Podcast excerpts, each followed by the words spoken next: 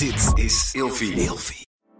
De overgang. 85% van de vrouwen tussen 45 en 60 jaar ervaart overgangsklachten.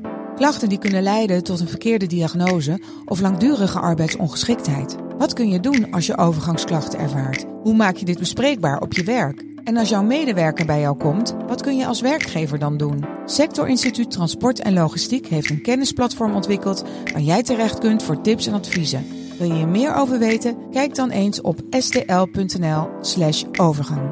Gezonde voeding en beweging zijn al van kinds af aan een belangrijk onderdeel van mijn leven. Via Atida Pure heb ik nu een persoonlijk advies gekregen waarbij ik suggesties heb voor mijn dagelijkse benodigde aanvulling van vitamine en mineralen. Bij Atida Pure geloven ze niet dat iedereen hetzelfde is en dat iedereen wat anders kan gebruiken aan voedingssupplementen. Er zit 15 jaar aan ervaring in de supplementen. Ze zijn wetenschappelijk onderbouwd en van de hoogste kwaliteit. Dus wil jij, nou net als ik, goed voor jezelf zorgen, lekker in je vel zitten en bewust met je lijf omgaan? Met de code Nienke ontvang je nu 50% korting op je eerste bestelling. Check de website van Atida Pure in de show notes en maak vandaag nog jouw eerste bestelling. Ik wilde niet door die, tot die groep horen en ik voelde me niet tot die groep aangetrokken. En ik was een beetje een kakker en ik zag eigenlijk nooit kakkers op tv die homo waren. Dus ik dacht, nou ik ben de enige kakker op de aarde die homo is. Dus wat, wat schiet ik ermee op? Deze podcast wordt mede mogelijk gemaakt door babo.nl, de webshop voor jouw spannendste momenten. Welkom bij een nieuwe wekelijkse aflevering van Seks, Relaties en Liefdes. Waarin Nienke Nijman elke week openhartig in gesprek gaat met vrienden, familie en bekenden. Nienke Nijman is de host van deze podcast. Zij is psycholoog, systeemtherapeut, relatietherapeut, seksuoloog, auteur en columnist. In deze aflevering praat Nienke met Dennis Vink en Jan Sluiter. De gedragsbioloog plantbeest Dennis is eerder te gast geweest bij Nienke. Hij woont immers samen met zijn vriend in Rotterdam, houdt zich bezig met een duurzame, gezonde vegan lifestyle en sprak eerder met Nienke over de evolutionaire perspectieven op homoseksualiteit bij mensen. Jan Sluiter is happy single na twee lange relaties. Hij is 52 jaar, fotograaf, uitbater van een bed and breakfast in Schiedam, redacteur voor Gay Rotterdam en ondertussen zit Jan volop in zijn midlife crisis. De twee heren schelen dus een kwart eeuw en dat is een mooi haakje voor Nienke om een gesprek aan te gaan over toen en nu. Ja, Dennis en Jan, ontzettend fijn dat jullie uh, er zijn. En uh, alle luisteraars weer uh, welkom bij een nieuwe aflevering van Seksrelaties en Liefdes. In deze aflevering ga ik in gesprek met Jan Sluiter en Dennis Vink. En beide mannen hebben een mannelijke partner. Um, waarbij jullie het verhaal van Dennis kunnen terughoren in de podcast die ik eerder met hem op heb genomen. En um, ja, voor um, Jan even een klein beetje perspectief uh, rondom jouw verhaal. Um, in retrospect kan je zeggen dat je rond je twaalfde, dertiende voor het eerst interesse had in aantrekkelijke oudere jongens. Nee, nee, nee, niet per se ouder. Als ik terugredeneer, weet ik dat ik vanaf de middelbare school, brugklas ja. met gym, dat mijn ogen al eh, richting gewoon jongens gingen. En niet per se En die waren dan inderdaad, omdat er een... Ik zat dan in de eerste, in de brugklas. En dan kwam er een tweede of een derde klas voor of na ons ook omkleden. Ja, dat waren dan wel de jongens waar ik naar keek. Ik ja. keek ook, ja, ik kan zo van mijn hele jeugd wel herinneren wie ik altijd de knapste jongens in de klas vond. Ja, en uh, maar vanaf je, uh, je, je vijftiende is het een vraag geweest die bewuster is gaan spelen. Nou ja, je hele puberteit. Hè? Vanaf het moment dat je zeg maar je seksualiteit ontdekt.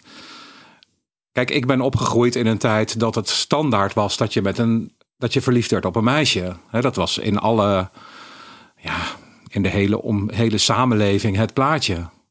Dus je bent op zoek naar uh, wanneer heb je die gevoelens dan met een meisje? En wat zijn die gevoelens dan? Hè? En dat dat vlinders in je buik, hoe voelt dat dan? Dat weet je allemaal niet. Nee. Dus dat moet je allemaal in de, je puberteit ja, ga je dat langzaam bij jezelf ontdekken. En ja, door uh, avontuurtjes ook met jongens in je omgeving.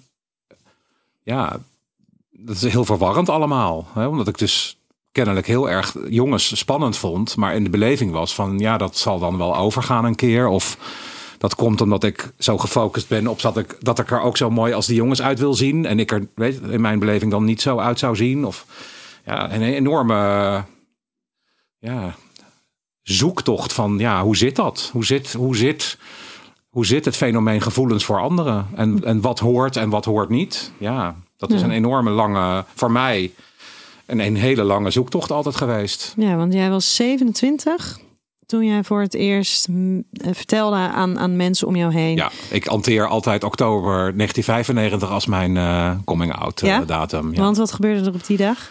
Toen had ik een feestje ergens met een hele intieme vriendengroep van mij.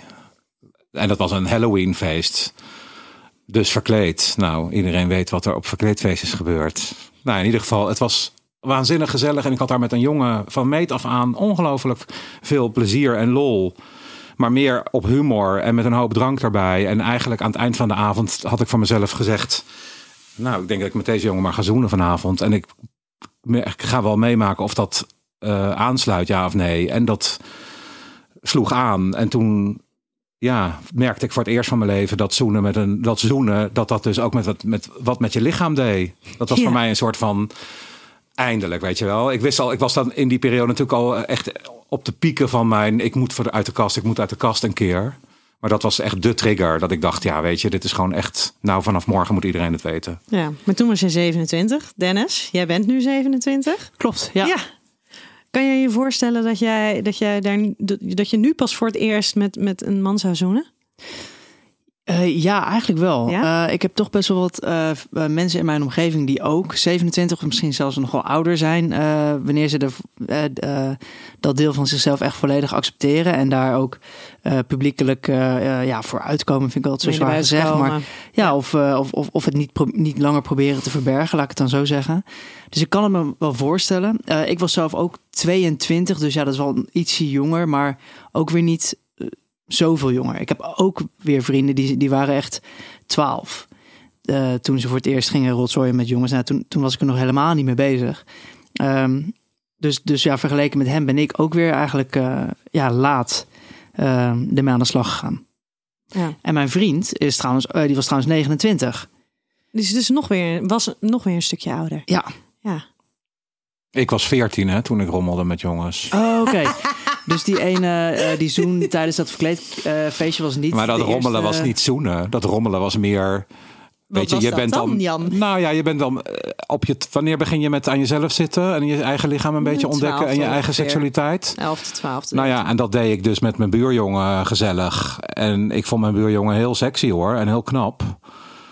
En daar heb ik echt wel gewoon ja, een beetje samen mee zitten rommelen. Maar dat, wat, ja, dat was niet romantisch. Dat was Nee, meer spannend. Maar er zijn heel veel jongens van die leeftijd die doen dat met vriendjes, met Maar juist omdat dat gezegd werd, dacht ik dus, oh ja, dat is normaal. Want dat doet iedereen en dat wordt ook Ah. gezegd. Dus dat gaat weer over, weet je, zo. Dus dit, dit hoort, dit mag, maar nu hoef ik voor de rest geen emotionele betekenis aan te geven dat dit Mijn meer zus voor was mij erbij. betekent. Mijn zus was er gewoon, wij gingen de hond uitlaten met z'n drieën. Ja. En mijn zus zag gewoon dat mijn buurjongen en ik met elkaar aan het rommelen waren. Of die, die liep dan wel een beetje weg.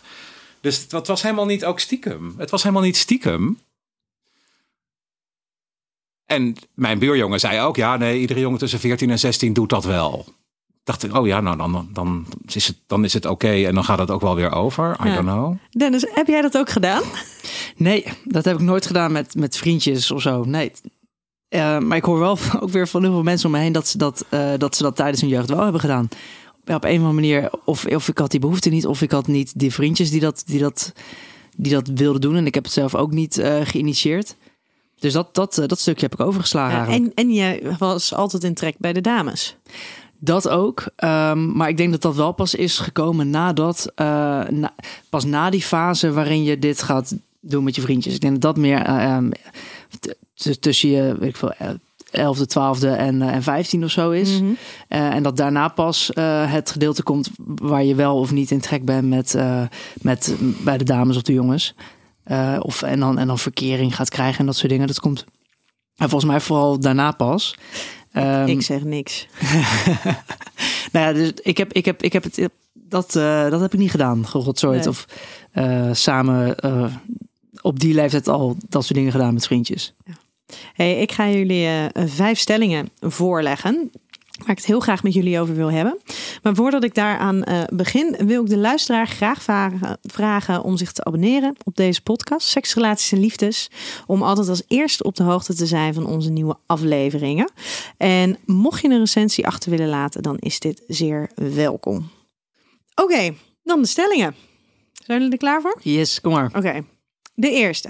Het was in de jaren 80, 90 makkelijker om homoseksueel te zijn dan nu in 2021. I totally disagree. Ja? En jij? Ja, ik zou het niet weten. Ik kom uit 93. dus ehm, ik zou het eigenlijk niet weten. Ik kan het alleen maar baseren op wat, hoe, hoe ik me die tijden eh, voor me zie. Dus ik, ik eh, stel voor dat Jan vooral deze beantwoordt. Nou Ja, ik ben van 68, hè, dus ik was in de jaren 80. Jaren 80 is mijn middelbare schoolleeftijd. jaren 90 mijn twintigertijd. En ik hoor het vaker dat mensen dat nu zeggen. Ja, het was in de jaren 90 lijkt het wel alsof het eh, liberaler en makkelijker was. Ja. Zo niet waar. Het is nu zoveel zichtbaarder. En eh, daardoor zijn dingen die intolerant lijken, halen de media en worden serieus genomen. Als er vroeger in Amsterdam een homostel in elkaar werd getrapt, waar konden ze naartoe? Niet naar de politie. Nu kunnen ze naar de politie of naar een loket met een, eh, met een roze label. En het komt in de media en het wordt groot eh, belicht van kijk eens wat er in Amsterdam gebeurt. Wij zijn zogenaamd zo tolerant. In de jaren tachtig gebeurde dat net zo. Alleen het haalde de media niet. En je haalde het in de jaren tachtig wel uit je hoofd om in Amsterdam-West met je eh, vriendje hand in hand te lopen. Maar waarom hebben we dan zoveel mensen wel het idee van, oh ja, maar toen, toen kon er veel meer, was het veel vrijer. Het is gewoon niet eh, waar. Er was liefde. Alle, in de provincie zaten alle gay bars achter een gesloten voordeur met een bel. Ehm, dat is tegenwoordig ook niet meer. Het was totaal onzichtbaar. Maar is daar nog een verschil tussen de Randstad en de provincie? Toen of nu? Toen? Toen sowieso. Want toen had je op, in Amsterdam de reguliers dwars. Die was, dat was een paradijs, zeg maar. Dat was een vrij open en de Amstel. Je had gewoon in Amsterdam al wel een levendige gay scene in de jaren negentig met name. Jaren tachtig weet ik echt niet. Maar ik geloof het ook wel. Maar ik ben opgegroeid in Eindhoven. Ik heb in Utrecht gewoond. Alles wat. En ik kwam ook in eh, andere plaatsen. Ik kwam in Den Bosch en in Arnhem. Hè, toen ik studeerde hadden we vrienden die overal een beetje woonden. Ik ben nog in de jaren negentig in Groningen wezen stappen. Het was allemaal heel erg verstopt. Je moet ook realiseren, een wereld zonder internet. Hè? Je, ik ging op vakantie met mijn toenmalige vriend. En dan kochten we in een of andere kioskje. Kochten we in Spanje helemaal het boekje rechts onderin waar dan de adresjes in zouden staan waar gay dingen zouden zijn. En ik kan me nog herinneren dat wij een hele nacht in Sevilla zijn rond gaan zoeken naar al die adressen met een gay eh, bar of wat dan ook. En geen één was actueel of klopte of was open, weet je wel? En dan praat ik over 2000 en dan over Spanje. Dat maar- klinkt helemaal niet lang geleden, 2000. Nee. Ik kan me Maar echt je, niet je meer had geen, voorstellen. je had geen internet. Dus je was afhankelijk van een lokaal gay krantje. Waar dan de adressen in stonden, waar dan eh, een gay bar of wat dan ook was. Ja, maar dat, en dat waren vaak dingen die dan of alleen op een vrijdag open waren. Of wat dan. Ja, het was allemaal gewoon. En dat geldde ook voor de provincie. Kijk, Amsterdam. Ik weet dat ik in de jaren negentig had je gewoon Den Haag, Rotterdam, Amsterdam. Daar kon je wel maar het was allemaal, eh, ja, toch wel echt een beetje achter de gesloten deuren. Behalve dan Amsterdam. Maar is dat, eh, Dennis, want is dat dan niet nu misschien nog steeds een beetje zo? Dat het in steden als Den Haag, Rotterdam, Amsterdam, dat het daar misschien makkelijker is, zichtbaarder is dan in de provincie, dan in de Achterhoek? Ehm, Dat geloof ik sowieso. Ja, dat het, eh, dat het in de grote steden makkelijker en fijner en veiliger eh, is om ehm, bij de eh, LHBTI-community community te horen dan in de, in de provincie of in de, in de kleine dorpjes. En ik denk dat ook daarom veel, eh, veel mensen die uit de community komen, die, of die, die, die dus eh, bij de LHBTI-community horen, ehm, vaak naar de grote steden trekken. Want daar, daar vind je veel meer gelijkgestemden. Ehm, he- heb je denk ik een veel vrijere eh, sfeer. Ehm, en is het veel zichtbaarder. Ja, Nou ja, het heeft natuurlijk ook een beetje met de getallen te maken. We zijn een minderheid. En ja, dan vind je gewoon meer homo's of LHBT-communityleden in de grotere steden dan in bijvoorbeeld Groningen of, ehm, of Apeldoorn. klopt. En je hebt natuurlijk in de, in de grotere steden, omdat er dus genoeg mensen zijn om. is er markt. En dan is, Is het markt. zinvol om een tent te openen. Want dan is. Plus, wat ik ook eh, vooral fijn vind aan de grotere steden, is dat het. Kijk, in Eindhoven, eh, nou, kan ik niet zo over praten. Nou, stel gewoon in een middelkeurige provinciestad, waar misschien één of twee gaybars zijn. Ja, daar zit dan wel, zeg maar, het hele spectrum van 18 tot 70. En stel dat dat er op een drukke avond 20 man binnen zitten. Ja, weet je, het is natuurlijk niet uitgaan zoals je dat wil als je 20 of 30 bent. Want dan zit daar gewoon, ja, te weinig publiek. Dus je wil ook naar de drukte. En je wil naar iets waar je gewoon gesegmenteerd kan stappen als gay, weet je wel? Je wil niet in die. Eh, Ja, het heeft toch al. Ik heb, tenminste, ik vond dat vroeger ongelooflijk sneu. Die, die kroegen waar dan zeg maar eh, vier zestigers, een zeventiger en een veertiger en iemand van twintig rondhing. Dan dacht ik, ja, moet ik het hier vanavond mee doen? Weet je wel? En dan zeiden mijn hetero vrienden, ja, maar moet je dan altijd per se scoren? Denk ik, jullie hebben niet in de gaten dat jullie vanmiddag in de Albert Heijn nog konden scoren. Ik moet het echt hebben van dit momentje, hè? om eens een keer tegen iemand leuks aan te lopen. Is dat, is dat echt zo? Ervoer jij dat Nou, zo? onze Of vijver is dat? aanzienlijk kleiner. Ja? Ja, als jij gewoon. Hoeveel relaties staan, ontstaan er op het werk? Dat je met een leuke collega klikt en dat dat een relatie. Moet maar net toevallig een gay iemand zijn, snap je? Onze spoeling is zoveel dunner. Zijn, zijn jullie daarin misschien ook meer afhankelijk bijvoorbeeld van dating apps? Ik denk het wel. Ehm, ja, precies, precies wat Jan zegt. Statistisch gezien is de kans dat jij iemand tegenkomt op straat of op het werk en die jij, die jij leuk vindt, precies jouw type is. Ehm, en dan ook nog eens die, wat was het, 8%, 10% die homoseksueel is bijvoorbeeld. Ja, 1 Eh, op de 10. 1 op de Ja. 10, nou, nou, net die 1 op de 10 eh, is die homoseksueel is. Ja, die kans is gewoon aanzienlijk kleiner. Dus ja, je vergroot je kansen wel eh, aanzienlijk door of op zo'n app rond te gaan kijken. Ehm, of de, de gayfeesten en de gaykroegen eh op te zoeken. Maakt dat het ook makkelijker om nu homoseksueel te zijn in tegenstelling tot in de jaren 80, 90? Omdat, Hmm. omdat die mogelijkheid er dus is. Het is, in mijn optiek is het sowieso veel makkelijker om nu gay te zijn. En daarom ben ik ook heel happy dat ik in deze tijd leef. Ook terwijl ik 52 ben, want ik voel me nog steeds gewoon jong. Ehm, wat wil ik zeggen? Of het, of het nu makkelijker is. Doordat je de dating apps hebt. Ja, die dating apps hebben ook wel weer nadelen. Snap je? Toen, toen, de, toen de dating app- apps er niet waren, moest je wel naar de kroeg. Of moest je wel het echt actief opzoeken. Nu hoef je niet meer per se erop uit. En dat, maakt, dat is voor mensen die niet van uitgaan houden, is dat fijn. Aan de andere kant, ja, ik hou wel van uitgaan en ik ben echt wel een sociaal dier. En ik vind die dating apps, ja, weet je, het is heel convenient en heel geil en heel leuk en noem maar op, alles. Je kunt er alles van vinden. Het is ook wel heel erg, ja, het is ook wel heel vermoeiend. Hè? Ja, ik weet niet hoe ik het moet uitleggen, maar er zitten ook heel veel mensen op die het alleen al gewoon geil vinden om te chatten. Ja, en dan zit je dus een, een hele avond met iemand te chatten, waar je dan uiteindelijk achter komt van ja, die gaat nooit met mij daten, want die vindt het chatten om zich al zo spannend. En daar zit ik dan mijn hele avond mee te verdoen, snap je? Dus ook nog een, het is ook nog een hele vaardigheid, zeg maar, dat, eh, dat, dat dating apps en hoe daarmee om te gaan. Zou, zou dat ook een, een eh, leeftijdsdingetje kunnen zijn? Nee, Hoe want er zitten wel vaardig je alle daarin leeftijden bent? op. Hm? Maar hoe vaardig je daarin bent? Ja, dat heeft met je social skills ook te maken. Ja, en misschien ook hoe lang je eh, single bent geweest. Bijvoorbeeld, ik ben redelijk snel nadat ik eh, eh, de mannenwereld instapte, ben ik in een relatie gerold. Eh, dus ik heb eigenlijk het grootste deel van die, van die dating app heb, heb, heb ik nooit gedaan, heb ik eigenlijk overgeslagen. Eh, maar als ik dan links en rechts bij, me, bij, me mee, bij mijn vrienden meekijk, dan, ehm, dan zie ik wel dat het bij sommige mensen heel, heel goed werkt. Eh, en dat ze er echt oprecht heel veel, heel veel plezier van hebben. Maar dat het sommigen ook echt heel veel stress geeft. Dat het allemaal heel oppervlakkig is. En dat je altijd het idee hebt dat het kan, dus dat het moet. En dat, dat het juist doordat het zo makkelijk en vluchtig is. Eh, als, als, een, als een date net niet helemaal leuk is, bijvoorbeeld. ehm, maakt niet uit, over vijf minuten kan je weer een volgende date hebben. Ehm, maakt het ook heel ehm, ja, dispensable. Nou, dit, dit, dit is hem niet, dus ik gooi, ik gooi het weg en ik, eh, ik, eh, ik pak een nieuwe. Ja. Ik heb wel eens een keer een uh, Margriet van der Linden heeft een uh, fantastische serie uh, documentaires gemaakt, hè, How to be Gay. En toen was ze in Londen en daar sprak ze dus met een aantal uh, jongens die dan in de rij stonden bij een club, waar ze gewoon echt een uh, heel leuk gesprek mee had. En die omschreef het wel heel erg um, treffend.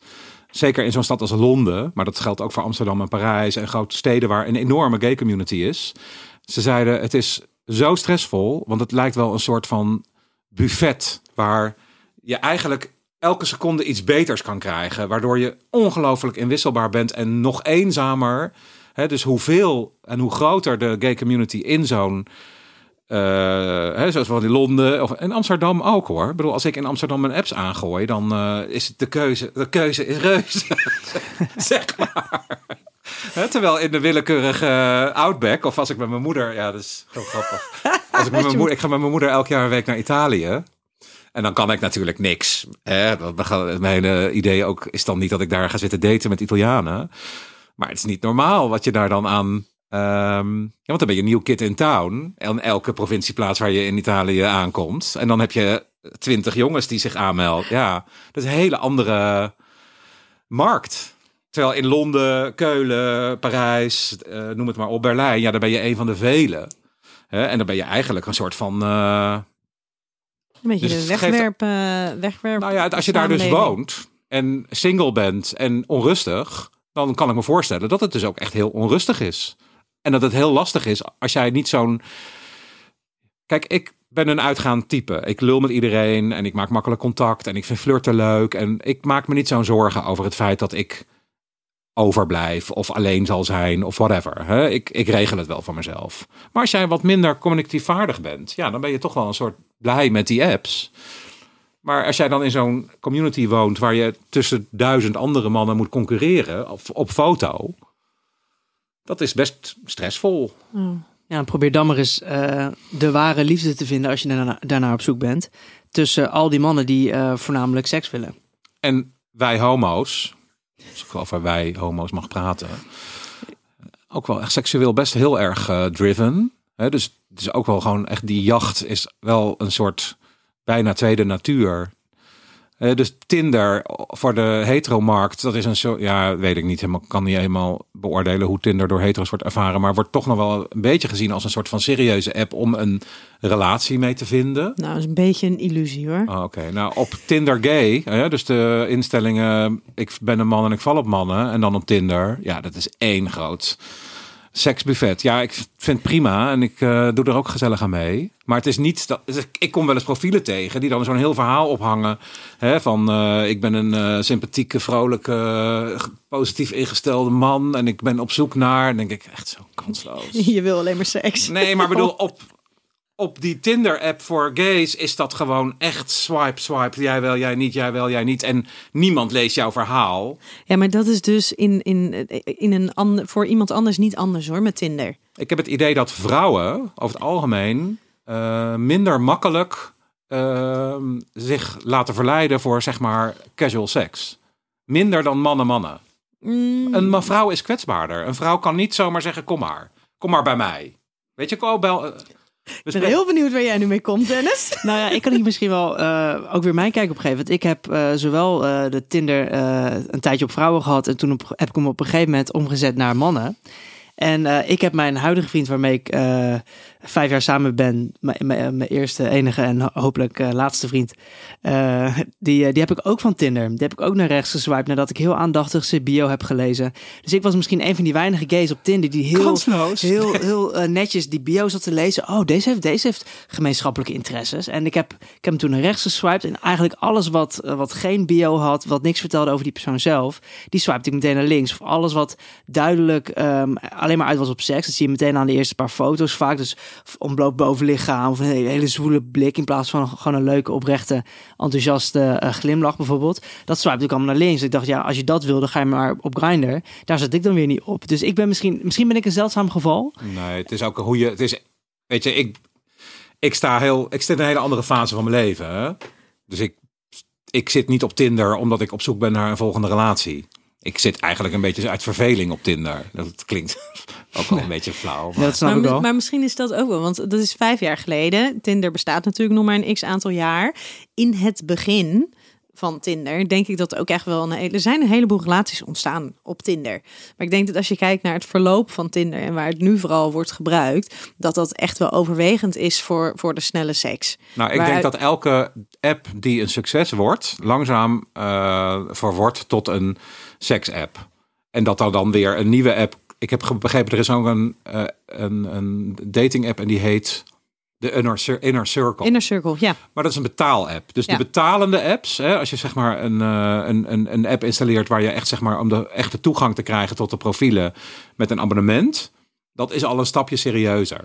Ja, want dan betaal je echt voor, omdat je de liefde wil vinden. En we hebben het nu steeds over Tinder, maar ehm, Tinder, Grindr, Scruff, eh, Growler, Noem er maar een paar. Daddy hoor. Hunt, you name it. Er zijn wel twintig. Ken, jij die ook allemaal, Dennis? Nee, nee. Dat is dus echt het, het hoofdstuk wat ik heb overgeslagen. Ik, zie, ik, ik ken Grindr, eh, van, omdat dus al mijn vrienden daar, daarop zitten. En dan zit ik mee te loeren als, als zij daarop zitten. Maar ik heb er zelf nooit op gezeten. En Tinder, ja, en toen was het voor mij klaar. Ik kende eerst al die apps die ik opnoemde. En toen later begreep ik dat Tinder ook... Dat dat ik ook dacht kan. dat namelijk een hetero-app was. Maar dat bleek dus ook... eh, ja. Ja. Hey, jong, we gaan eh, naar de volgende stelling. Want eh, dit was nog maar eh, stelling 1. Maar over het algemeen denken jullie dus wel dat als je nu homoseksueel bent, ehm, dan wel de- de- tot het hele seksuele diverse scala behoort, dat dat nu makkelijker is dan Maar toen. even helemaal terug naar die stelling. Het is gewoon totaal visible. Nu. Kijk, als je, ja, als je praat over de jaren tachtig en de gay pride, zoals wij die nu kennen. Daar dat gaan we is het een- straks nog over Maar dat is een voortvloeisel uit de gay games van 98. Hè? En dat was de eerste keer dat er een soort van extravaganza zichtbaarheid was in Amsterdam. De eerste keer. Ik vond dat toen ook echt beyond imagination. En, en ik vond dat helemaal niks ook. Ja, maar dan gaan we, we gaan het straks nog even naar de Pride hebben. Maar ik ben bang dat we daar niet kunnen komen als we niet Maar nu het door was de dus niet zichtbaar. In de Nee. jaren 80, 90 totaal onzichtbaar. En wat je daarover kon lezen of zien, daar moest je echt voor naar op zoek. Ehm, de volgende. Des te jonger je uiting kan geven aan je homoseksualiteit, des te beter dat voor je toekomst is. Op wat voor vlak eh, bedoel je met toekomst? Professioneel, persoonlijk? Ehm, eh, persoonlijk. Persoonlijk, en uh, spiritueel vind ik ook vrij persoonlijk. Ja. Maar in ieder geval persoonlijk. Voor gewoon jou als, als mens en hoe je in het leven staat. En dat werkt in mijn beleving door op professioneel gebied en alles. Maar Oeh, dat is een Nee? hele, hele Ja? moeilijke vraag. Ik, ik vind, ik, ehm, mijn eerste gedachte is dat het ook voordelen kan hebben als je die struggle, niemand wil die struggle, die struggle waarin je dus jarenlang eigenlijk al weet van, goh, misschien ben ik wel eh, iets anders dan, eh, dan hetero. Ehm, eh, maar ik kan er op, op een, of andere- een of manier niet voor uitkomen of ik wil het niet van mezelf accepteren. En dat je daar een aantal jaren mee struggelt. Ik denk dat je daar op, op een bepaalde manier ook profijt van kan hebben. Dat het je sterk maakt. Ehm, maar dat het je ook sociaal vaardig maakt op een bepaalde manier. Dat je eh, ongemak leert, ehm, leert, er, of, ja, leert ervaren en daardoor ook leert creëren. Wat je bijvoorbeeld in, later in je werk weer heel erg goed kan toepassen.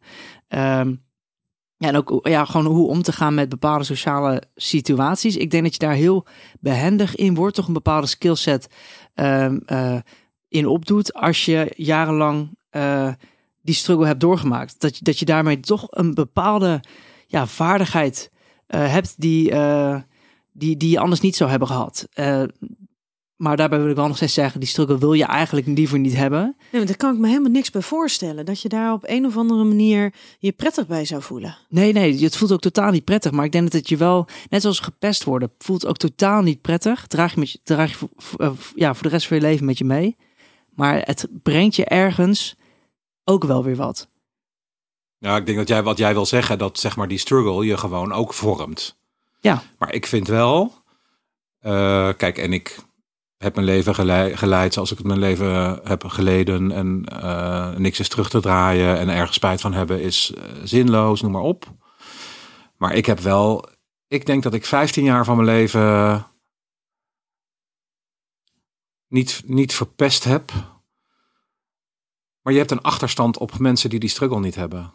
Want die mensen, wat jij nu allemaal noemt, hè, gepest mensen met, die hetero zijn, worden- zijn ook mensen die gepest zijn. Of die hun, eh, die komen uit een milieu waarin ze zich niet prettig voelen. En, en die hebben ook hun strijd. En dat vormt zich ook. Maar wij hebben dus en en. We hebben dus ook nog die, die seksuele ehm, identiteitsstrijd. En ik, ik vind dat dat mij wel tien jaar, tien jaar achterstand heeft gegeven in mijn leven, zeg maar. En in welk opzicht? Ja, dat ik mijn hele puberteit eh, maar een beetje leuk heb meegedaan met al mijn vrienden, met uitgaan en zo. Maar waar het uiteindelijk om... Kijk, en, en dan lijkt het wel alsof mijn hele leven nu gericht is op seks. Maar al mijn pubervrienden waren wel allemaal al met vriendinnetjes in de weer. En naar Spanje. En daar met vriendinnetjes. En met uitgaan met vriendinnetjes. En op school met vriendinnetjes. En ik, ik ging ook op een gegeven moment mijn vrienden van... Waar ik nu nog steeds heel goed mijn vrienden ben. Ja, jij ging toen op een gegeven moment nooit meer mee uit en zo. Dus dat heb jij dan... Toen was jij er niet bij, bla bla. Ik ging op een gegeven moment niet meer mee uit. Want ik vond uitgaan niks aan. Omdat ik mezelf gewoon... Ja, weet je, ik, ik haalde daar niet uit wat zij daaruit haalden. Nou, ik, vind, ik weet wel, ik heb mijn, mijn, mijn broer heeft ook een mannelijke partner. En ehm, ik weet dat ehm, hij, mijn broer die heeft altijd een hele hetero, heteronormatieve wereld uh, geleefd. Is er ook op, was op vrij late leeftijd achtergekomen dat hij op mannen viel. Maar zijn, zijn, zijn partner, die wist het al vanaf jongs af aan. En toen die dus hoorde, toevallig wonen ze ook in Londen. Toen die dus hoorde waar mijn broer altijd naartoe ging. Naar de, de, de clubs, de, de, de, de, de pubs toen, toen zei zijn partner, die zei dus ook van ja, maar als ik daarheen ga, dan mag ik mezelf niet zijn. Dan kan ik niet mezelf zijn. Dus daar wil ik helemaal niet heen. Want dan, dan kan ik gewoon niet zijn, kan ik niet het contact maken met mensen als op plekken waar ik me daarin wel gewoon comfortabel voel. En ik kan me voorstellen dat als je dus zo'n puberteit hebt, waar, en dan hoeft het dus niet eens om de seks te draaien, maar gewoon om het jezelf mogen zijn. Nou ja, en het contact maken en het mogen lachen en het mogen flirten en daarin gewoon jezelf mogen zijn en ontwikkelen. Ik had gelukkig een vriendengroep die niet bestond uit haantjes. Hè? Dus ik zat niet in een soort club met jongens die alleen maar met meisjes in de weer waren. Dus dat gaf mij dan ook wel een soort van. Daarom waren het ook mijn vrienden waarschijnlijk. Maar als ik terugkijk, denk ik, ja, ik heb dat zo onwijs niet gezien allemaal toen. En stel je voor dat ik toen ik uh, 16, 7. Weet je, ik was gewoon verliefd op, op mijn. Uh, de vrienden waarmee ik omging, of die ik opzocht. Als ik dat allemaal terugredeneer, ik heb ze allemaal uitgezocht op van, god, wat ben jij knap, wat zou ik, zo, wat zou ik graag bij jou horen? Want ik vind ja? jou zo, ja, ik kan echt zo, ik, ik ben verliefd geweest op vriendjes van me. Allemaal terugredenerend. Hè? Dan zou ik nu een hele spannende vraag stellen. Zoek jij daar nu nog steeds jouw vrienden op uit? Ja, nee, ik ben veel bewuster van het feit dat ik gewoon een homoseksuele man ben. En dus een man uitzoek op zijn kenmerken waar ik op val. En vroeger uh, stak ik dat misschien vanuit een onzekere kant in. Zo van, goh, wat is die jongen mooi. En wat zou ik ook zo graag zo knap zijn als die jongen. Want dan had ik zoveel meer aandacht en dan zou ik zoveel gelukkiger zijn. Weet je, dat was een soort van negatieve beredenering om naar jongens te kijken. Terwijl nu, ja, spreek ik gewoon jongens aan die ik aantrekkelijk vind. En daar wind ik geen doekjes om, snap je? Nee, nee. En ik, ga, ik ben niet een uh, mega uh, versierder en flirter, maar ik ben wel heel open. En ik zeg, ja... Jij zegt wel als jij... Nee, maar ik benader gewoon, uh, ik benader de mensen die ik benader, omdat ze me interessant lijken. Ja. En dat kan een uiterlijk kenmerk. Vaak zijn dat wel op uiterlijke kenmerken, ja. Ja. Maar dat zit dan ook in hoe iemand uit zijn ogen kijkt natuurlijk. Want ik kan iemand heel knap vinden om iets waarvan een ander zegt... nou, sorry hoor, maar wat zie je erin, weet je wel? En even terugkomend op, op, op jouw stelling. Uh, wat denk jij zelf? Denk je dat, um, dat het beter is voor je, voor je ontwikkeling, voor je persoonlijke ontwikkeling... om daar op een vroege leeftijd mee aan de slag te gaan? Nou, ik, ik, ik gun niemand die, die, die struggle. Dat is zeg maar wat ik, wat ik niemand gun. Um, dus als, als het betekent dat iemand dus zeg maar, nou ja, weet je, in mijn beleving is, is drie jaar al veel te lang om, om in zo'n strijd en een soort van onzekerheid met jezelf te verkeren. Um, dus dan zou ik inderdaad zeggen van, oh, wat, wat moet het dan fijn zijn als je gewoon um, uh, vanaf dat eerste moment dat je daar uh, gevoelens bij hebt of, of vragen over hebt, dat je daar iets mee mag en kan. Um, nou snap ik ook wel dat het een illusie is, want de wereld werkt niet zo en niet iedereen bevindt zich in zo'n veilige omgeving. Dus in zo'n geval zou ik inderdaad zeggen van hé, hey, maar dat is hartstikke fijn. Ik kan me ook voorstellen dat je er iets, dat het je vormt. En dat misschien een stukje van de struggle ook niet heel erg um, nou ja, beschadigend hoeft te zijn. Dat daar ook gewoon echt wel elementen in zitten die je inderdaad gewoon vormen. Um, maar dat er misschien ook wel voordelen in zitten als je gewoon heel die struggle dus niet hebt. En pas op latere leeftijd bedenkt, hey, ik, dit is een optie, dit is een mogelijkheid. En ik stel me daarvoor open. En ik kom er dus achter dat ik dus op mannen val. Ja, ja eens. Um, nogmaals, die, die struggle die wil je niet en die gun je niemand. Um, het is natuurlijk sowieso altijd beter en fijner en makkelijker als je niet het gevoel hebt dat je bij iets hoort wat, wat, eh, wat niet mag of wat je niet voor jezelf kan accepteren. Ehm, dus de, in de ideale wereld zou ook niemand daarvoor uit hoeven komen. Zou, zou ook niemand uit, uit de kast hoeven komen. En dat zou helemaal mooi zijn. Hè? Als we gewoon dat hele concept van uit de kast moeten komen. Dat dat er gewoon niet meer is. Ja, de, de samenleving. eh, ik denk dat wij dat ook met een hele andere bril zien hoor dan de, de gemiddelde mens. Maar de samenleving is wel bezig met een wat meer genderneutrale blik. Alleen dat zien, dat zien alleen mensen die daarmee bezig zijn. Ja. De gemiddelde gezin in, eh, in, in eh, Zevenkamp of whatever, of in Nesselanden.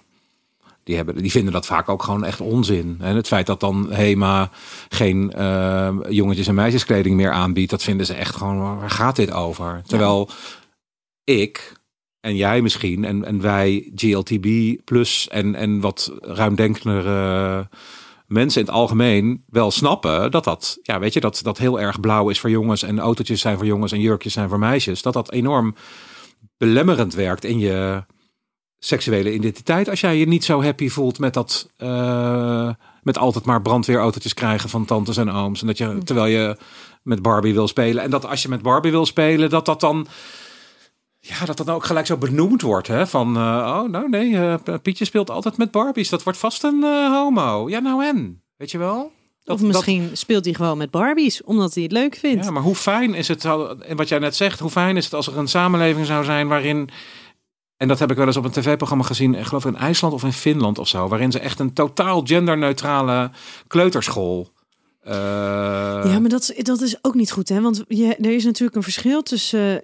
Ehm, nee, maar laat iedereen gender spelen waarmee wil spelen. En, ja, maar er is natuurlijk een verschil tussen gender en seksuele ontwikkeling. Want eh, je, je, je gender gaat natuurlijk over je identiteit, over hoe identificeer jij je. Dan wel als hè, in het binaire denken, jonge meisje, dan non-binair, alles op het eh, continuum daartussen. Ehm, en, en je seksuele oriëntatie, dus op wie richt jouw seksuele dan wel romantische eh, voorkeur zich, dat gaat over seksualiteit. En Ja. dat kan, wordt Alleen- wel onderdeel van jouw gehele identiteit en van jouw genderidentiteit. Maar in principe gaat jouw gender niet over, ehm, eh, over of je op jongens of op meisjes valt. Dat gaat veel meer over hoe ontwikkel je je als persoon. Ja, maar die vrijheid hebben om als jongen of meisje met speelgoed te spelen of, of, of dingen leuk te vinden die gezien worden door de maatschappij als typisch meisje of typisch jongen. Het feit dat daar gewoon een, ja, een, een ruimere blik in komt, ja, dat vind ik een hele goede ontwikkeling. Maar tegelijkertijd weet ik dat dat, ik denk dat 80% van de bevolking het gewoon helemaal niet snapt. En jij noemde net het woord binair. Als ik dat in mijn hoogopgeleide bubbel laat vallen, moet ik dat uitleggen hoor, wat ermee bedoeld wordt. Ja. Kijk, wij LHBTI'ers weten dat wel, omdat we dingen lezen en, en in onze minority dat dat een beetje een, een, een thema- thematiek is die. Maar hetero's hebben geen idee wat binair is en cisman. En het is voor hun echt totaal abacadabra. Maar gelukkig hoeft, hoeft ook niet iedereen ervan op de hoogte te zijn en, eh, en mee te zijn. Want eigenlijk net zoals met alle andere eh, grote veranderingen in de samenleving... heb je maar een kleine, kleine club nodig die heel veel geluid maakt en zich ergens voor inzet. Dus dan stel dat het inderdaad 80% zou zijn die, die het allemaal geen fuck kan schelen... eh, en er allemaal niks van begrijpt en het allemaal maar onzin vindt. Mooi, want die 20% zou eigenlijk al genoeg kunnen zijn om eh, ervoor te zorgen dat... eh, eh, dat, dat, dat niet alleen de HEMA, maar alle winkels eh, meer genderneutrale kinderkleding en, sp- en speeltjes Ja. eh, aanbieden. Ik hou van je optimisme. hey, de volgende. Als homoseksuele man ben je een leven lang in transitie. Nee, ik denk dat je, als ik voor mezelf praat, ik ben als mens, cisman, Heel goed. Binair. Dus een man die zich identificeert ben als man. doorlopend, eh, niet in transitie, maar gewoon in, ontwikkel, in zelfontwikkeling. Ik ben altijd op zoek naar een betere zelf van mezelf. En hoe kan ik happier zijn? En wat leer ik van mijn keuzes uit het verleden? Dus dat is meer een soort van, ik ben altijd, ja, ik ben altijd in ontwikkeling. Ik Maar probeer dat gaat meer over jou als mens dan het feit dat je homoseksueel bent. Ja, dat heeft niks met mijn homoseksualiteit te maken. Dat zou ik als heteroseksueel ook zijn. Ja. En wat denk jij, Dennis? Sluit ik me wel eh, sluit, sluit ik me helemaal bij aan. Eh, het enige wat ik daar wel meteen bij denk is ehm, dat ik wel eens heb zitten denken dat doordat ik afwijk van de norm, dat ik, dat ik iets anders ben dan eh, een heteroseksuele man, ehm, dat ik daardoor misschien automatisch ook meer ben gaan openstaan voor andere dingen die misschien anders kunnen dan dat mij altijd is verteld. Ehm, ik heb het idee dat ehm, als jij eh, iets anders bent dan, dan hetero, dus je bent iets op het uh, roze spectrum, dan, uh, dan dat je je A misschien eerder betrokken voelt bij andere minderheden.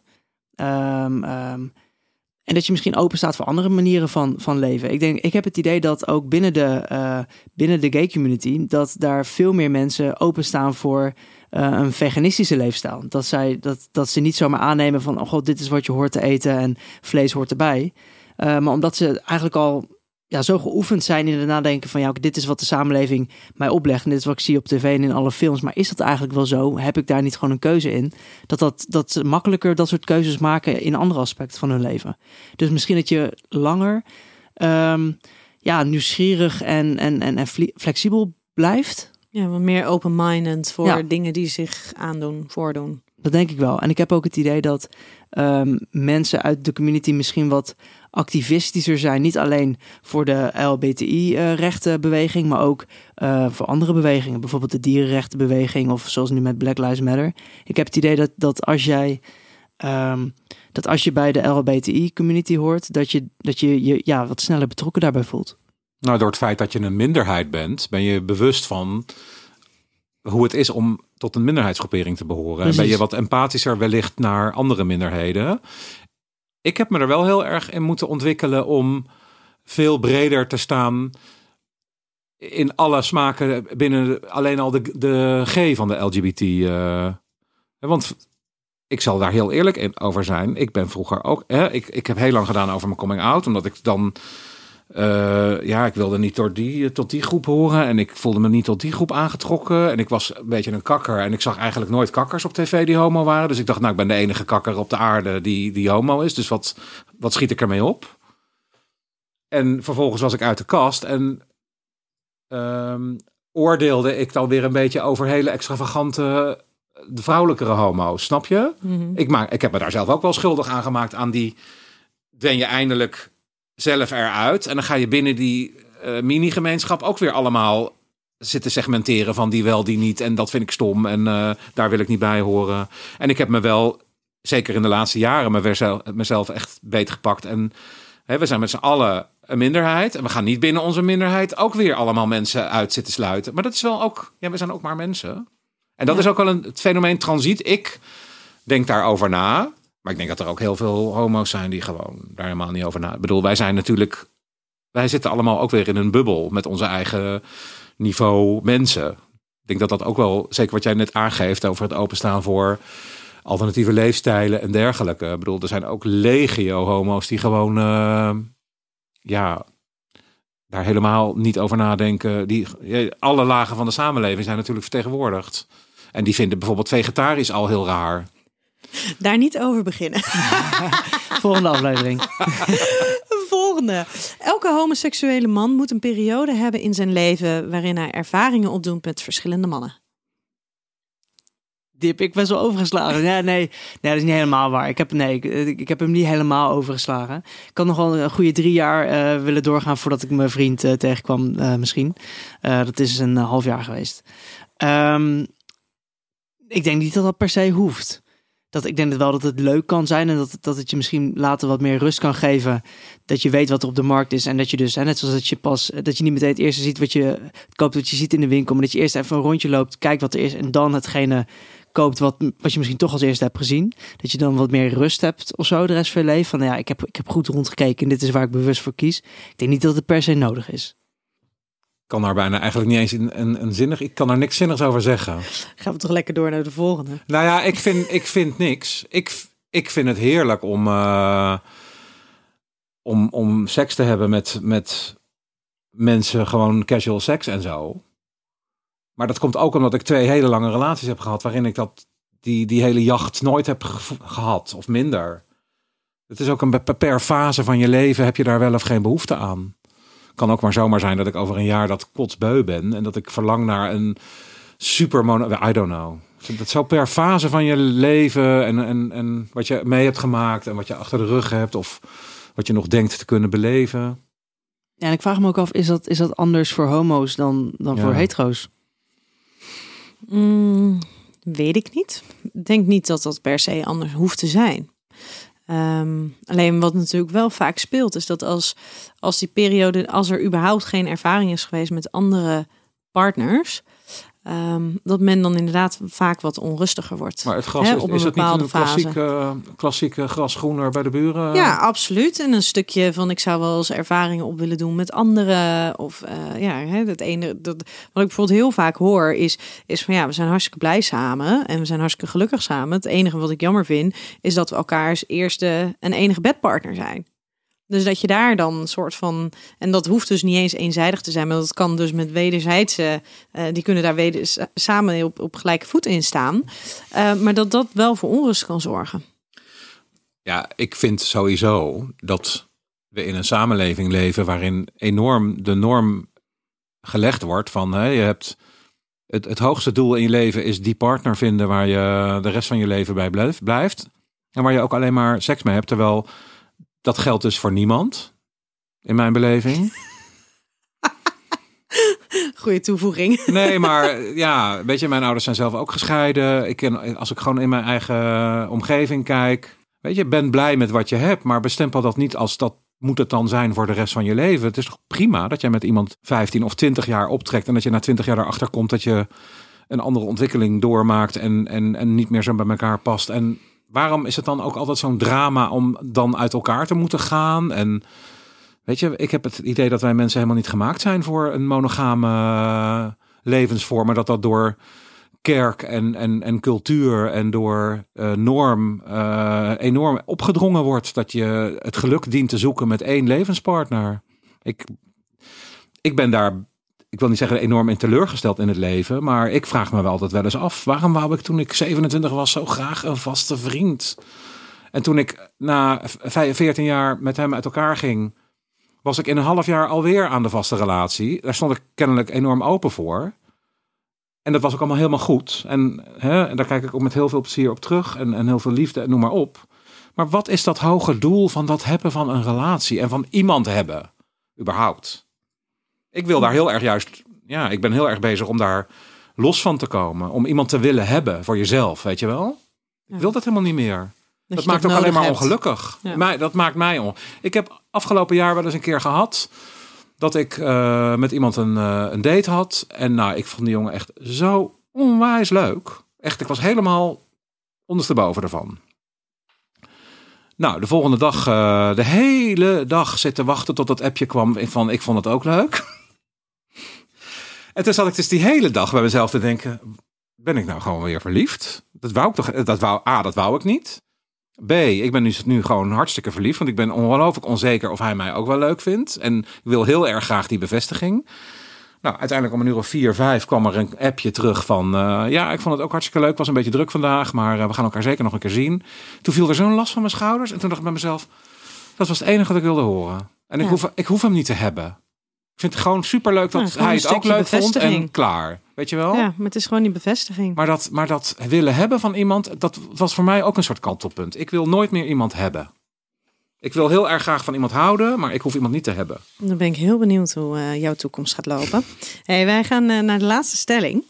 Ehm, als je niet voldoet aan de heteronormatieve seksualiteit, blijf je een leven lang tegen onbegrip aanlopen. Ligt er ook een beetje aan wie je in je vriendenkring uitzoekt. Precies, en eh, onbegrip waarvoor? Dat je dingen moet uitleggen, dat je anders zou zijn. Oh ja, ja, als je niet voldoet aan de Als je er heteronormatieve niet norm. aan voldoet. Maar is de heteronorm norm dat je eh, alleen maar seks hebt met elkaar? Eh, ook Of zo? dat je gewoon, dat je de, de, de heteronormatief houdt dus in dat je en eh, heteroseksuele seks hebt. En eh, voornamelijk monogaam. Ik denk, eh, ik denk het eigenlijk niet. Ik denk, ehm, als ik kijk naar, dan betrek ik natuurlijk weer gewoon eh, op mijn persoonlijke eh privésferen. Ik heb niet het idee dat ik mezelf nog moet verklaren. Ehm, als je in een, in een situatie zit waar, waar weinig verandert.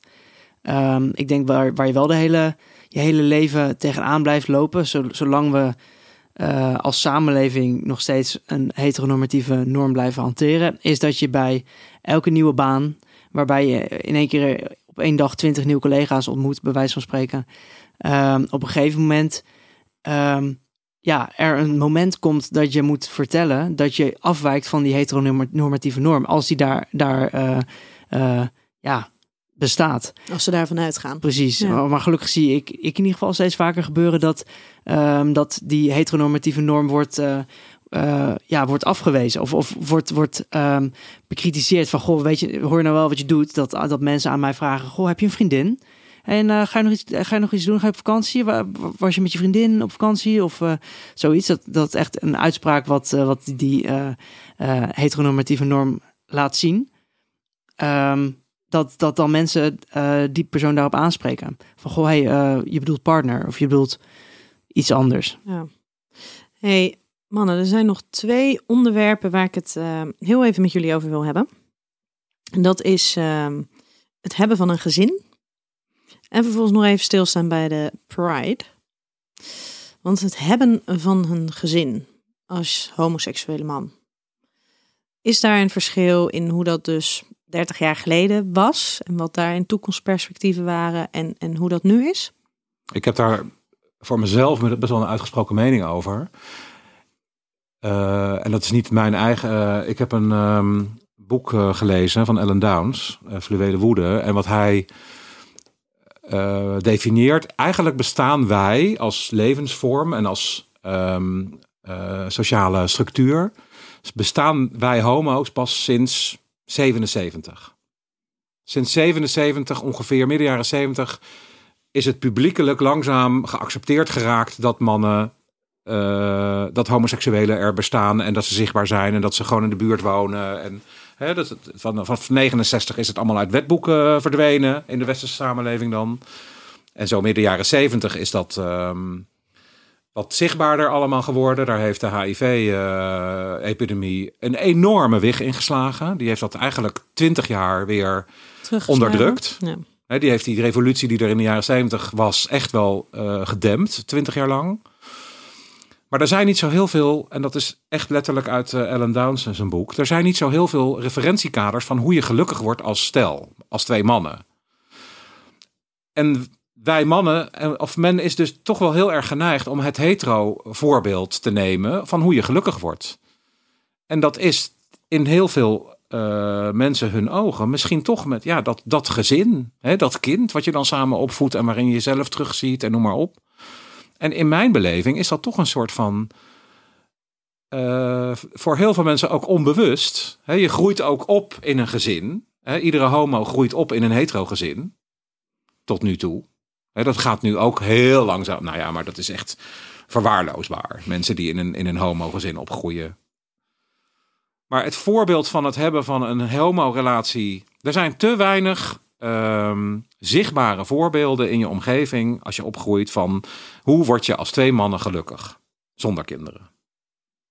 Gewoon te weinig referentiekader van hoe vul je je leven in met een leven als twee mannen zonder kinderen daardoor heb ik het idee dat dat hebben van een kind een soort van, ja, toch wel een soort van onbewust heteronormatief geluksideaal is.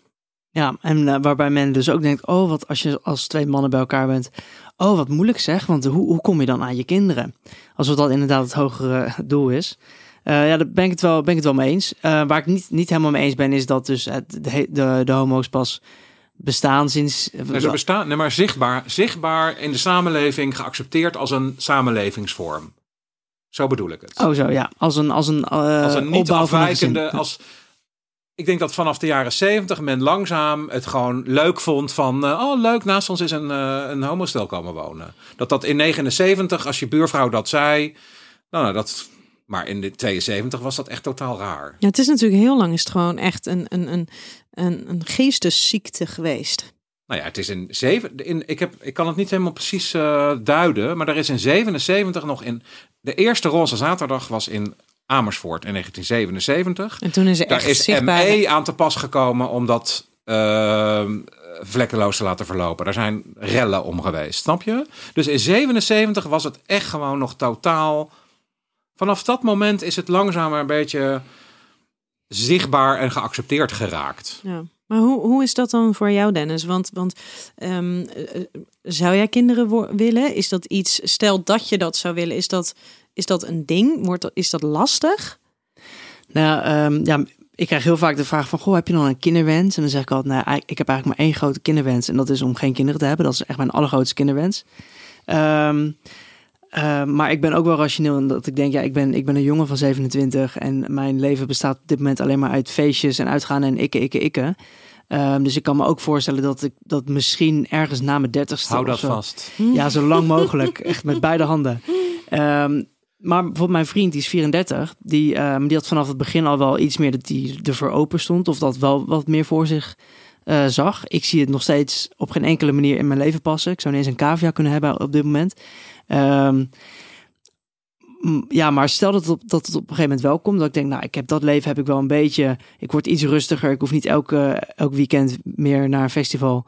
Ehm, misschien is dat toch wel een, een, heel, een heel leuk nieuw hoofdstuk van mijn leven. Ja, het is, het is wel een stuk uitdagender. Zeker als twee mannen. Als twee vrouwen is het ook net iets gecompliceerder dan bij een, bij een hetero stel. Eh, maar is het nog makkelijker? Dan heb je alleen dan heb je eh, het, het moeilijkste gereedschap heb je in huis. En eh, ja, het zaad is makkelijker te verkrijgen dan, dan, dan het hele vrouwelijke voortplantingssysteem. Ehm, maar als twee mannen, ja, of je moet, je hebt heel veel wegen om het te bewandelen natuurlijk. Je, je moet op een wachtlijst om te adopteren, je moet op een wachtlijst voor een draagmoeder, je moet heel veel geld meebrengen. Ehm, ja, het maakt het wel een heel stuk eh, moeilijker, denk ik, als dat je wens is. Plus wat denk ik ook ehm, een grote rol speelt, ehm, en daar ben ik eigenlijk pas recent over na gaan denken. Wat Jan net ook al zei van, god, het is zo leuk dat je jezelf terugziet daarin. Ik denk dat het voor, voor verliefde hetero-koppels ook heel leuk is om te zien. Goh, wij zijn zoveel, wij zijn zo verliefd. Wat, wat, wat mooi als er een kindje ontstaat uit onze liefde, die dan half van jou en half van mij is. Maar als twee mannen zal dat nooit zo zijn. En ik denk dat dat eh, stiekem toch voor mij ook wel een beetje wegneemt dat dat. Ehm, of die wens wegneemt. Dat ik met mijn vriend een kindje wil, want het is nooit van ons samen. Nee. En als je weer twee vrouwen hebt, dan zou dat nog eventueel wel zo kunnen zijn, doordat je het eitje van de ene zou kunnen nemen en zou kunnen inbrengen bij de ander. Precies, dan is Dus het dan al je wel meer. weer van beide vrouwen. Ja. Precies, Ja. genetisch dan natuurlijk nog steeds niet helemaal, maar dan is het al meer van twee, eh, van, van allebei. Ja, precies. Ehm, dan als laatste wil ik het heel graag nog even hebben over de Pride. Want ehm, Dennis, ik, dat is me wel bijgebleven uit ons vorige gesprek, is dat jij inderdaad ehm, daarover benoemde van ja, maar het is gewoon een dag waarbij ik niet op hoef, op te letten op wie ik een knuffel geef en kan ik gewoon mijn geliefde een hand geven zonder dat ik dat ik hoef te rekenen op een of andere vorm van, van spanning of vervelende re- reacties. Eh, toen dacht ik, oh ja, dat, dat, ja, dat liet mij wel even op een andere manier ernaar naar, naar kijken in ieder geval. Ehm, Jan, ik hoor jou net zeggen dat op het moment dat de eerste Pride in Amsterdam kwam, dat dat heel extravagant was. En dat dat voor jou misschien ook een beetje too much was. Of in ieder geval overwhelming was. Nou ja, ik zat toen natuurlijk zelf helemaal in mijn ontdekkingsfase van hoe, hoe ehm, als je net uit de kast bent, begint je leven eigenlijk weer van vooraf aan. Dus dan ga je ook weer een hele ontdekkingsreis maken. En ik had daar toen wel, ja weet je, ik, ik voelde me nooit aangetrokken of, of eh, thuis bij zeg maar de extravaganza. Die hielden mij een beetje de kast in zelfs, in mijn beleving. Dus dat hele extravagante wat op de Gay Pride vooral in de media zichtbaar was. Daarvan had ik altijd het idee, ja, dat heeft mij juist zo lang in de kast gehouden. Hè? Want ik had zo graag gewoon... eh, ik ben heel blij met een Rick van der Westerlaken als journalist die openlijk homoseksueel is. Ehm, weet je, de, de mainstream, een politicus die gewoon... Hè, dat, wat er nu anno 2020 allemaal publiek gay is... Mannen met Zonder wie jij je verhaal. kan identificeren. Nou, daar had ik toen heel veel aan gehad. Want dan had ik heel veel referentie gehad van, oh, nou, dat, die zijn er ook. Die, oh, oh, als die het is, nou ja, weet je, daar ga ik dan. Ik kan me echt herinneren dat ik eh, in 1996 wellicht voor het eerst in de Strano kwam in Rotterdam. En daar voor het eerst van mijn leven eindelijk zag. Oh, hier zijn allemaal gewoon leuke jongens met, met de ruiten overhemden en, eh, en normale kleren. Weet je, voor mij was dat echt een soort van daarvoor had ik het idee dat alleen maar, ja, ja, hele alternatieve of extravagante. Of, ja, ik voelde me heel eenzaam. Ja, en dat was wel het beeld wat zo- zo'n Pride En die tonen in de media. In de, de media ligt zeg maar nog steeds altijd de Mr. B-boot uit. Snap je? Iedereen doet dat. Ja, maar is dat dan nodig om in je blote kont op... Ja, dat is heel erg nodig. B, het is één van de 90 boten. En wat jij ook zegt, het is, het is 364 dagen per jaar hetero pride, hè? Dat, nou, maar dat beseffen hetero's zo niet. Dat gewoon de hele wereld is fucking hetero. Overal, reclames, alles. Eh, Als iets gay is, dan is het ook... Weet je die reclames van eh, dat bedrijf wat pakken verkoopt? eh, Suit Supply. Suit Supply. Ja. Hoeveel aandacht dat krijgt. Dat zij een reclame hebben waar Hebben ze- mannen elkaar openlijk zoenen. Hebben ze hem ook niet eruit gehaald? Nee, nee Uit maar ze zijn wel eh, in bepaalde eh, plekken zijn ze ook echt eh, vernield. Ja, want dat had ik begrepen. Maar, Maar dan, dan hoor je ook weer, ja, maar is het dan zo? Is het dan nodig om dan echt zo? Ze hebben niet in de gaten dat elke eh, parfumreclame een ongelooflijk seksuele, sensuele, hetero situatie laat zien. Dat ontgaat hun volledig. Terwijl een homoseksuele, sensuele reclame, ja, die roept enorm veel op. Maar het is precies hetzelfde, alleen het is homoseksueel. Dus, oh ja, maar is dat dan nodig? Maar eh, eh, bijvoorbeeld zo'n beeld wat veel mensen van de Pride hebben. Ehm, versterkt dat die reactie ook niet? Ja, daar moeten wij ons helemaal, helemaal niets van aantrekken, vind ik. Wij moeten echt zo onwijs vieren dat, dat wij, wij, iedereen die gewoon, al trek je eh, een zebrapak aan, feest gewoon lekker, leef je leven, be yourself. En die dag, en gelukkig zijn er op heel veel plaatsen in de wereld, ieder weekend, zeg maar, vanaf mei kun je eigenlijk ieder weekend wel een Pride ergens opzoeken. En dat is zo onwijs ja, bevrijdend. En eh, ja, ik, ik heb dat ook recent eh, wat breder ontdekt. Ik bedoel, ik kende alleen maar de Amsterdam. Maar ben eh, recent ook eens wat, wat internationaler, zeg maar, prides gaan aflopen. Ja, het is gewoon zo fijn om, ehm, om niet te hoeven nadenken over met wie je flirt of, of whatever. En ik vind ook het, eh, de hele diversiteit aan publiek een feest. Ja, eens. Ja, dus dat, dat je om je heen kijkt en, ehm, niemand elkaar beoordeelt omdat, omdat de, norm er even niet is of zo. Of de norm is omgedraaid en, niemand... eh, ik ben zelf ook helemaal geen eh, flamboyant of extravagant type om te zien. Maar ik begreep me wel het liefst in die, in die sfeer waar, waar, waar eigenlijk de meeste mensen voor hè, onze alledaagse eh, begrippen... de meeste mensen er op een of andere manier een beetje gek of anders uitzien. En, en, en, en dan voel je je helemaal vrij om, om, om, om te zijn wie je, wie je bent. En om aan te trekken wat je wil. En om eh, te kussen wie je wil. Ehm, en precies wat je zegt, dat is die ene dag per jaar. Ehm, en daarom is het zo'n gigantisch groot, vrij ehm, en liefdevol feest. Hey, mannen, wij gaan hem eh, met deze woorden afronden. Ik wil jullie in ieder geval heel erg bedanken dat jullie hier waren en voor jullie openheid. En ik hoop ook echt oprecht dat de luisteraars eh, zich hier dan wel in herkennen.